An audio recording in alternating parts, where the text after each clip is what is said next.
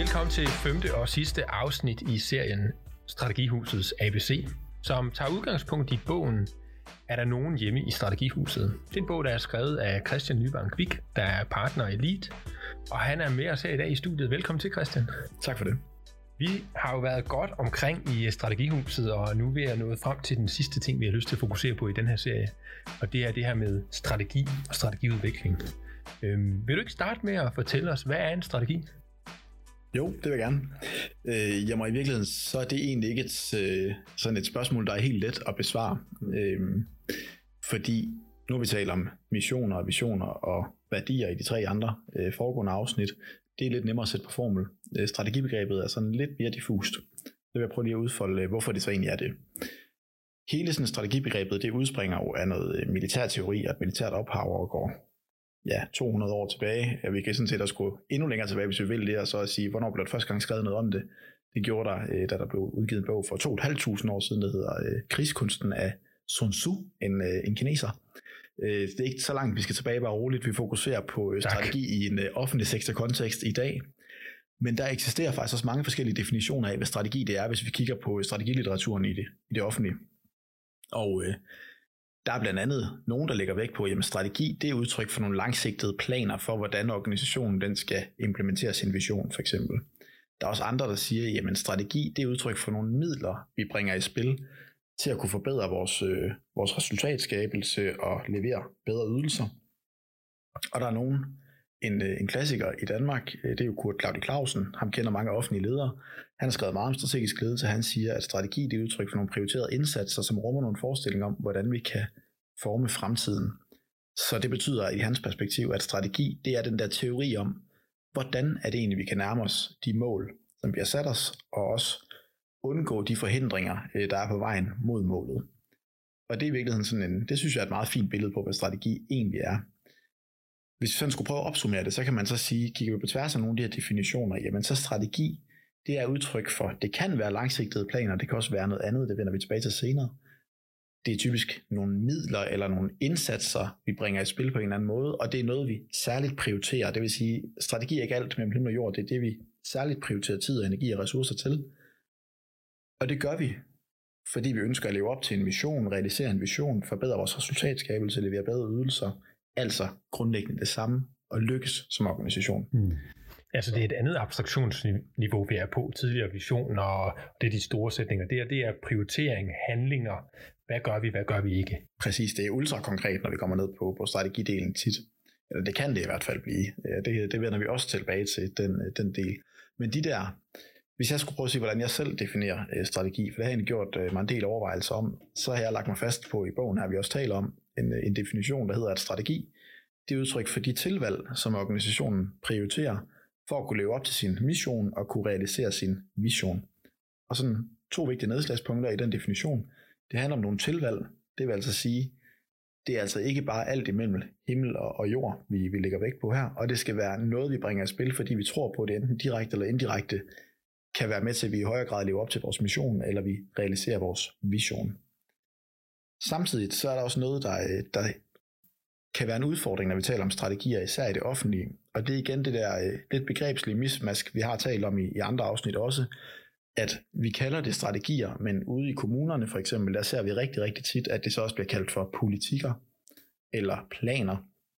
Og det er sådan set to sider af samme sag, øh, fordi hvis vi kigger tilbage på den, øh, den strategiske ledelseslitteratur, så udspringer den øh, i nyere tid primært af den private sektor, der talte man i 1960'erne om at have business politics. Øh, så blev det senere hen til business strategies, men det var egentlig udtryk for nøjagtigt det samme.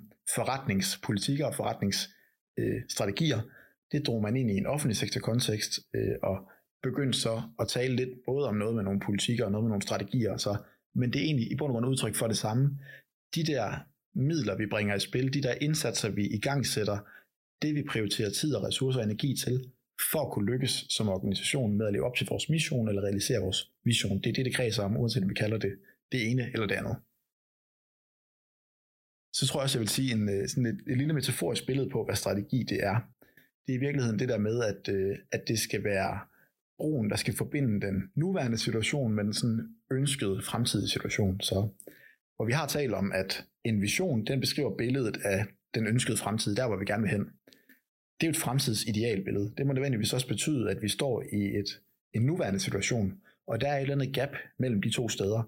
Og det, der ligesom skal være broen, der forbinder, det er strategien. Mm. Så det er lige netop øh, de der indsatser, vi i gang sætter, når vi siger, at vi har en øh, vision om, at vi vil øh, ude på et hospital eksempelvis, så vil vi sørge for at skabe sammenhængende patientforløb, hvor ingen patienter falder mellem to stole for eksempel. Det kunne være sådan en klassisk vision i en sundhedsfaglig kontekst.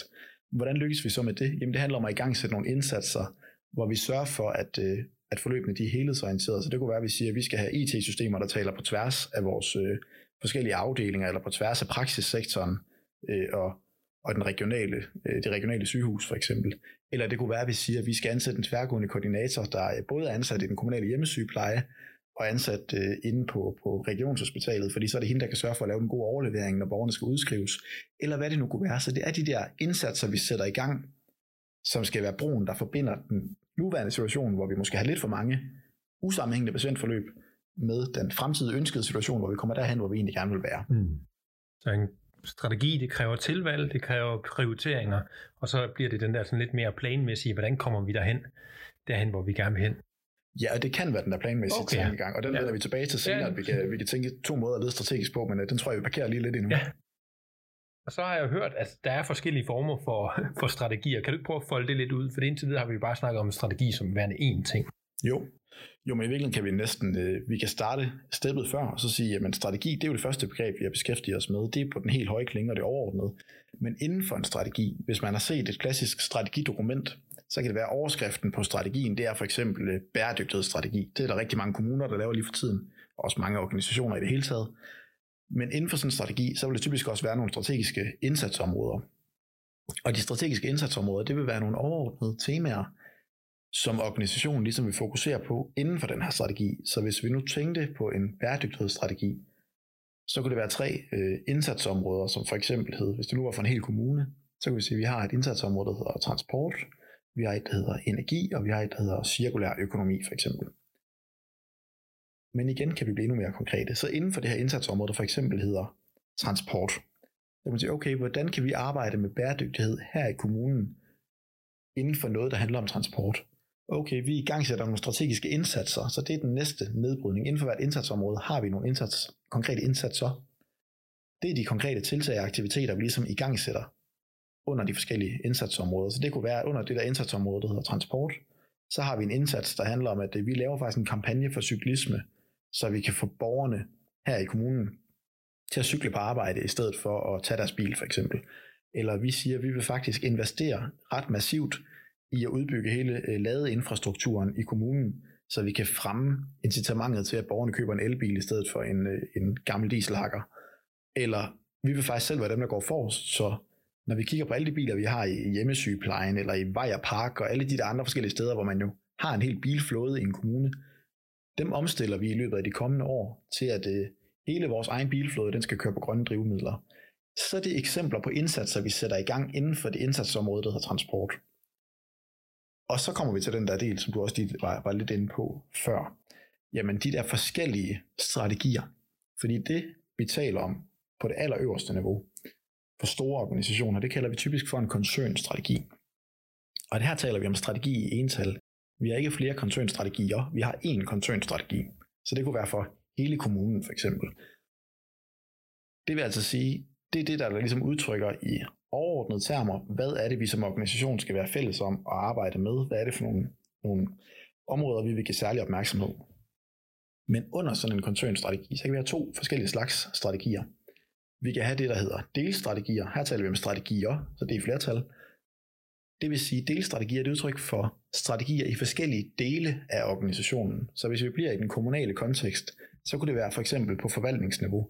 Så vi kunne sige, der er over i øh, ældre- sundhedsforvaltningen, der har de en øh, rehabiliteringsstrategi, og de har en demensstrategi og en sundhedsfremme sundhedsfremmestrategi for eksempel. Og de har over i børn- og ungeforvaltningen en dannelsesstrategi og en strategi for tidlig indsats. Og sådan kunne vi kigge på de forskellige forvaltninger og sige, der er noget, som de konkret beskæftiger sig med i den del af den samlede kommunale organisation i deres forvaltning. Men så har vi den sidste slags strategier, som er det, der hedder funktionsstrategier. Og det er strategier, der vedrører forskellige funktioner i organisationen. det her det er hammerne komplekst, det ved jeg godt. Ja. Men det udtrykker, hvad det er for nogle funktionelle områder inden for de sådan mere klassiske stabsfunktioner, vi skal arbejde med. Det udspringer også af vores koncernstrategi.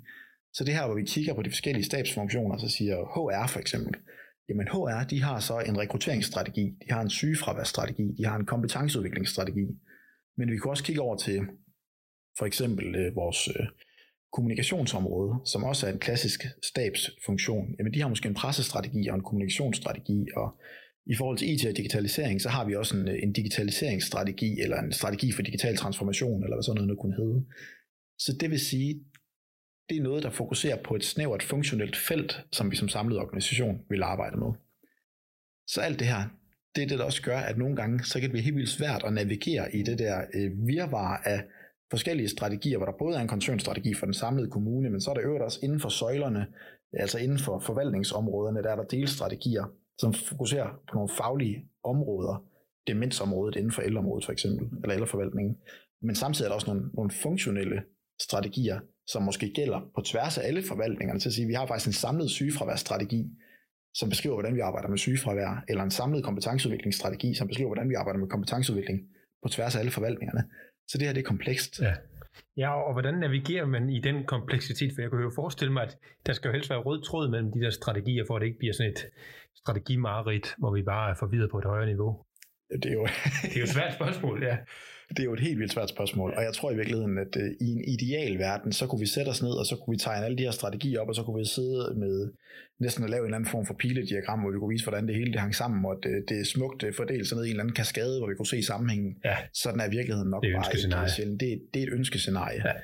Øh, og det afspejler sig egentlig også meget godt i noget af den forskning, der er på feltet her. Der er også en, øh, en dansk undersøgelse, der kom ud i 2015, hvor man har spurgt øh, 1300 kommunale ledere om, hvad I oplever som udfordrende i jeres dagligdag, hvor, øh, hvor lige knap halvdelen af dem, 42 procent, de oplevede, at øh, der var faktisk nogle vanskeligheder ved at kunne oversætte politiske strategier, så de giver mening for medarbejderne. Og når man lige tager den her introduktion en mente, så er det måske i virkeligheden ikke så underligt. Og det giver rigtig god mening. Men hvis jeg skulle prøve sådan at sige, hvad er det så, man kan gøre, så vil jeg sige, at der er faktisk meget, der ikke ligger på den enkelte, men som ligger på ledelseskæden. Øh, nu kommer vi jo øh, fra et, øh, et konsulenthus, hvor vi er, sådan historisk er rundet af at have arbejdet rigtig meget med leadership pipeline og vigtigheden af at have sammenhæng mellem ledelseskæderne. Og det er sådan set også ret vigtigt, at vi tænker den del ind her.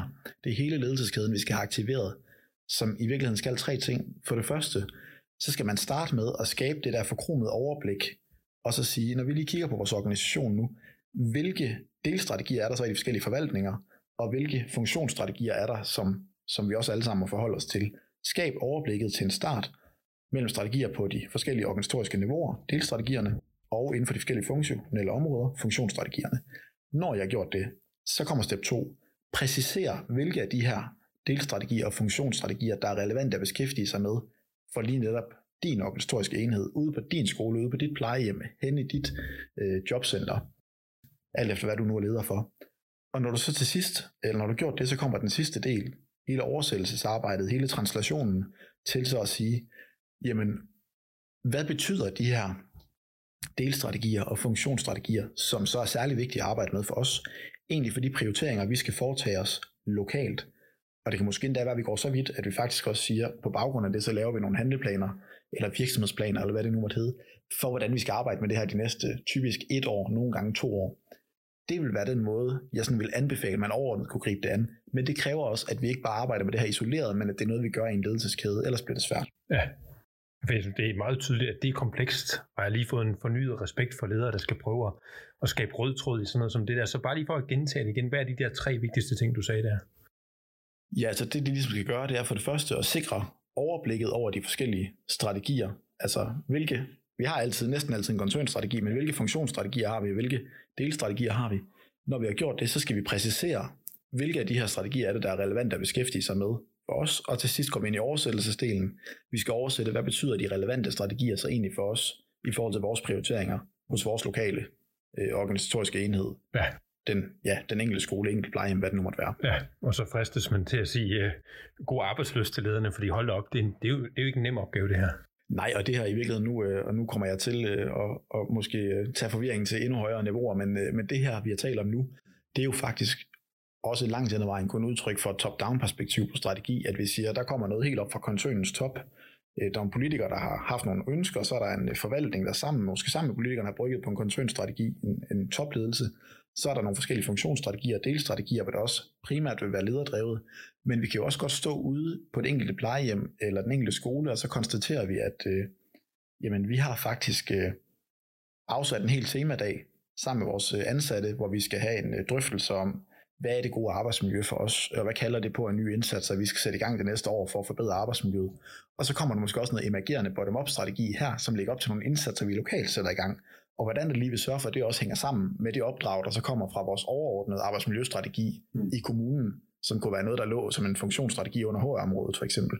Så det her, der er der ingen tvivl om, at der er noget med, at man skal dedikere noget tid til det her, øh, hvis man skal sikre røde tråd, og man ikke skal komme, øh, komme galt afsted. Og så allervigtigst, tror jeg, jeg vil sige, så er det en kæmpe øvelse, at man også husker at få, øh, få ryddet ud i de strategier, der ikke er relevante at beskæftige sig med, eller som øh, ikke længere er aktuelle. Altså, jeg hørte et kanon godt udtryk hos øh, en, øh, en kunde forleden, som sagde, at øh, vedkommende kom fra en øh, organisation, som faktisk også var afsættet for at søge videre til en anden organisation, fordi lederen her sagde, Jamen, jeg havde det som om, at øh, det var en strategi-tsunami, der skyllede ind over mig fra topledelsen. Det var en institutionsleder der. Det var en strategi-tsunami, der skyllede ind over mig. Og det, jeg hele tiden forsøgte, det var bare at blive stående hver eneste gang bølgerne ramte. Det er sådan et meget godt billede på, hvordan det kan opleves som decentral leder, når der er nogle handlekraftige, beslutningsdygtige, øh, virkefulde topledere, der måske også gerne vil sætte deres præg på organisationen. Det ser vi typisk også, at øh, så kommer der en ny leder til. Nu skal jeg lige cementere, at det er mig, der er der, der er kommet hertil, og jeg har nogle planer for, hvad jeg gerne vil tage organisationen hen. Og så bliver der ellers fyldt på med nye strategier, uden vi måske får ryddet ud i det gamle. Så som sådan et gammelt øh, Margrethe Vestager citat, øh, måske er meget godt at tage ind her. Hun sagde jo engang, det var så i forhold til lovgivning, men det gælder også i forhold til strategier her, at øh, vi skal passe på med som politikere og som topledelse, at vi ikke øh, skovler strategier ind, men kun fjerner strategier med pincetter. Øh, og den, øh, den synes jeg også igen kan være en god en at huske på, at vi ikke øh, forfalder til hele tiden at fylde på, fylde på, fylde på, uden samtidig at få ryddet ud. Fordi igen, strategi det handler om prioriteringer, og vi har kun 24 timer i døgnet. Vi skal også sove, vi skal også være noget for vores familier. Så den øh, tid, vi har, hvor vi går på arbejde, der skal vi arbejde med det, der er vigtigt. Vi virkelig vil give opmærksomhed, vi virkelig vil kanalisere ressourcer til. Og det kan altså ikke være det hele på én gang. Nej. Så der skal, der skal ryddes ud i det. Det er der, man skal prioritere og også tage de svære valg og sige, at der er nogle af strategierne, dem ligger vi ned nu. Det er jo ikke vigtigt længere, det er ikke aktuelt længere, eller der er Eller det er ikke vigtigt nok. Det er ikke vigtigt nok. Ja. ja. ja. Ja, til sidst, Christian, er der nogle særlige ting, som du tænker, jamen en eller to ting, som du tænker, det vil du også gerne lige have, at vi når ind omkring? Jamen, så tror jeg, at vi skal snakke lidt om det der med, nu har vi talt rigtig meget om, om hvad er strategi, men vi kan også tale om, hvad vil det egentlig sige at lede strategisk? Øh, var der sådan overordnet to forskellige veje at gå, øh, og det er virkelig sådan, øh, det er også en, en grov karikering, jeg sådan kommer med nu, hvor vi forsøger at kondensere rigtig meget strategi. Der er nogle mellemveje. Der er nogle, der er nogle mellemveje midt imellem. Men man kan tage det gammeldags klassiske planperspektiv, det er sådan repræsenteret ved øh, nogle af de gamle strategiske planlægningstænkere, øh, Alfred Chandler eller Kenneth Andrews eller Harry Ansoff for eksempel, hvor de ligesom lagde op til strategi. Det er en meget lineær proces. Du starter med at have en udviklingsfase, hvor du formulerer strategien, og når du har formuleret strategien og nedfældet det hele på skrift, så sætter du nøglen i, drejer og tænder, og så starter implementeringsfasen, og så implementerer du en til en det, du har nedfældet. Sådan lidt forsimplet lineært perspektiv. Det ligger også op til en forståelse af, at strategidokumenter det er sådan meget formaliseret, detaljeret, langt dokument. Vi antager også sådan lidt, at omgivelserne de er stabile, og vi kan bruge et helt år på at udvikle strategien, og så forandrer verden sig ikke, og så kan vi ellers gå ud og implementere, som vi har skrevet ned ud fra de, de grundantagelser, vi gjorde os fra en start af. Fordelen her det kan være, at der er en høj grad af klarhed over forløbet. Det bliver meget klart, hvad der skal ske, for det har vi detaljeret skrevet ned. Og der bliver også mulighed for at lave en, en ledelsesmæssig opfølgning på, jamen sker det så faktisk? Får vi implementeret det, vi blev enige om? Ulempen kan være, at det typiske topleder udviklet det her. Man har typisk ikke øh, sådan særlig meget fagkundskab, sagkundskab, øh, det nære opgavekundskab eller kendskab øh, i forhold til, øh, til, hvad der er de rigtige strategiske indsatser at sætte i værk. Vi ved også godt, der kan være risiko for manglende ejerskab til strategien, men måske vigtigst af alt, den her lineære forståelse, den holder sjældent i virkelighedens øh, verden. Øh, der vil være alle mulige benspænd, der kommer ind undervejs. Det er den ene. Ja, så i ambitionen om at være tydelig og lægge nogle gode planer og kunne gå ud til sine medarbejdere og sige, det er det her, der kommer til at ske, og vi er færdige om to år. Det er jo en god ambition, men der mister man noget urealisme, fordi det er jo ikke sådan, det sker i virkeligheden. Og... Ja, det bliver urealistisk, ja, hvis det er den, ja. man, man kommer til at agere på. Ja. Og man kan sige, det er jo så også som en kritik af det perspektiv, det her planperspektiv, det, det er repræsenteret ved hele det, der hedder den strategiske planlægningsskole, som meget kom frem i 60'erne. Så i løbet af 70'erne kom der ligesom en modpol til det, øh, som der så var blevet videreudviklet mere og mere på, ved øh, Ralph Stacey, ved Henry Mintzberg, ved øh, Richard Whittington. Nogle af dem, der talte meget om strategi som en proces, eller det vi i dag taler om som øh, strategy as practice, hvor vi siger, jamen der er det ikke den lineære tankegang, der er strategiarbejdet noget, der foregår mere cirkulært, hvor vi siger, det er ikke en strategi, det er ikke noget, vi formulerer på forhånd. Det er noget, der former sig hen ad vejen. Så det er hele tiden vekselvirkning mellem strategiudvikling og strategiimplementering. Hvor strategidokumenterne de er meget mindre formaliserede, de er meget kortere. De har mere karakter af nogle ordrede hensigtserklæringer, hvor vi kan sige, at i den første skole, planlægningsskolen, der er strategi, det er noget, vi har. Det er det der taktile produkt, vi kan tage at føle på. Hvor herover i procesperspektivet, der, der er strategi, det er noget, vi gør. Så man kan også sige, at vi, vi respekterer også en, øh, en, en antagelse her, der hedder, jamen, omgivelserne, de kan forandre sig løbende. Og det er den grundantagelse, vi arbejder ud fra.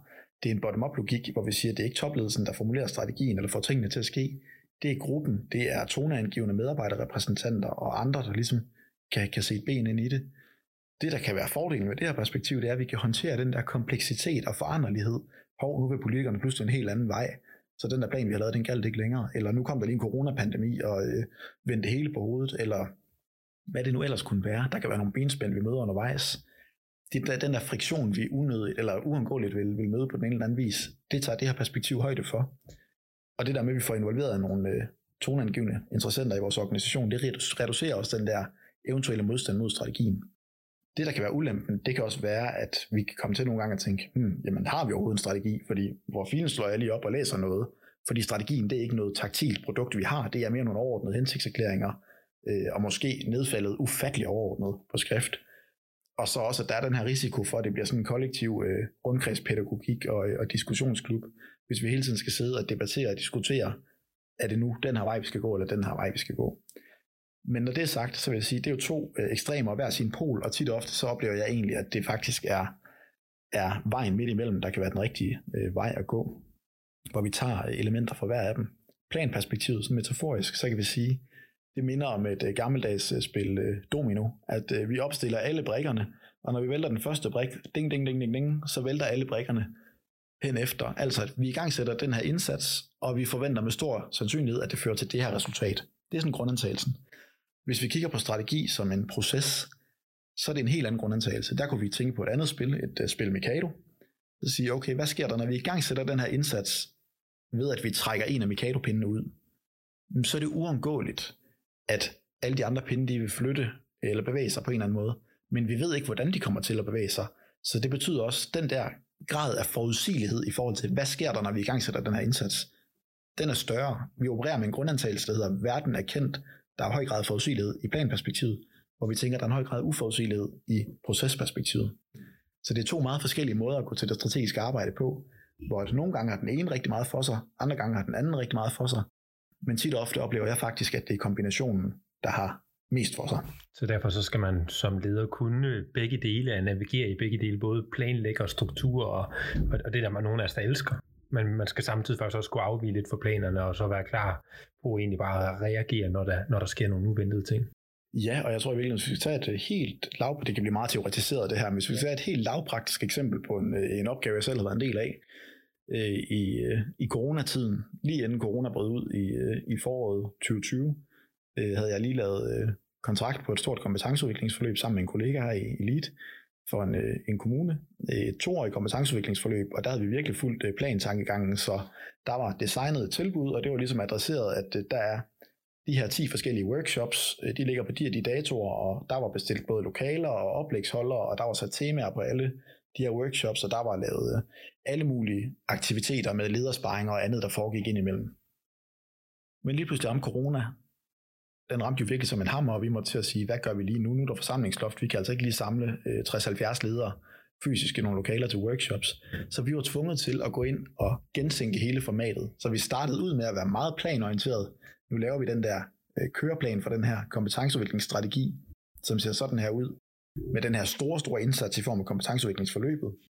Men vi måtte bare erkende undervejs, at der kom en masse benspænd, som betød, at vi skulle til at gentænke, hvordan vi egentlig gjorde det her. Og for at det så ikke skal være løgn, så kom der også øh, flere andre forskellige benspænd undervejs øh, med udskiftninger i forhold til nogle af dem, der havde været med til at i gang sætte forløbet, som, som også fik indflydelse på, hvordan vi skulle køre det her forløb videre. Så vi var jo inde og korrigere og justere på nogle ting, som, øh, som gjorde, at vi pludselig fik en anden tilgang. Så øh, strategiarbejdet er også en tilpasningskunst. Ja. ja. Og jeg tror i virkeligheden sådan lidt, øh, hvis man skulle, skulle bruge en metafor for det der med tilpasningskunst, så tror jeg også, jeg vil sige, at det er jo i udgangspunktet rigtig, rigtig godt at have et, øh, et kort, som din organisation sådan i udgangspunktet følger, men hvis det så pludselig viser sig, at øh, terrænet det stemmer ikke overens med kortet, jamen så bliver vi nødt til at følge terrænet, og det var det her lille eksempel på kompetenceudviklingsstrategien jo et, øh, et godt billede på. Så vi kan også godt sige, det der med indledende struktur og planlægning, det er rigtig, rigtig godt, men det skal ikke blive så overdrevet detaljeret, at vi ikke kan, kan løsne lidt op i det igen og sige, at indledende struktur og planlægning, det skal altså også gå hånd i hånd med intuition og løbende læring i forhold til, hvad der egentlig giver mening, så vi kan lave de der nødvendige tilpasninger. Tusind tak for at indføre os i det her sådan meget eller ret komplekse øh, landskab, vi skulle lede i. Altså, jeg har fået en, en genopstået respekt for de ledere, der navigerer i det der til dagligdag. Øh, men bare lige for at opsummere, strategier, det er det, der skal hjælpe os fra der, hvor vi er i dag, til den der ønskede fremtid, visionen. Og i det arbejde, der skal man være god til at skabe overblik, man skal være god til også at præcisere, og så skal man samtidig lykkes med at oversætte, hvilket man kan se også statistisk set, det er vi ikke særlig gode til. Og det er, når vi kigger på det sådan øh, top-down fokus, så er der også hele den der bottom-up tilgang, som jo har, kalder på nogle andre ting. Derudover så har vi været inde på, at man kan gå til det med en tilgang, der fokuserer på planer. Planlæg det skridt for skridt, detaljeret. Jo bedre detaljer, jo mere det hænger sammen, jo bedre er det. Men der siger du så også, at det kan man ikke lykkes med fuldt ud. Øh, for man skal også kombinere det med den her procestilgang, hvor man siger, jamen nu skete der det her, det var ikke lige det, vi havde regnet med, men så håndterer vi det, vi mødes omkring det. Og det er endnu et balancepunkt, som man som leder skal, skal kunne stå i og, og navigere i. Og så er det faktisk først der, at man kan begynde at snakke om, at nu er vi ved at lykkes lidt med, med de her mange strategier. Præcis. Og så synes jeg, at den sidste point, som jeg også tager med her, det er, hold da op, hvor er det vigtigt, at man får prioriteret og lagt nogle strategier ned og lagt nogle øh, projekter ned, sådan så det netop ikke bliver den her meget billedlige øh, ja, strategi-tsunami, som vi snakkede om. Det var for mig i hvert fald meget genkendeligt. Det kan jeg høre mange af mine kunder, der snakker om, og den tror jeg også, jeg kommer til at tage, tage med mig videre i dag. Så, så tak for det, Christian. Selv tak. Jeg er helt overbevist om, at der er noget derhjemme, som, som du er blevet inspireret af, noget som du måske også kan tage med hjem og, og begynde at overveje i dit øh, lederteam, i din egen ledelse. Så god arbejdsløst med det.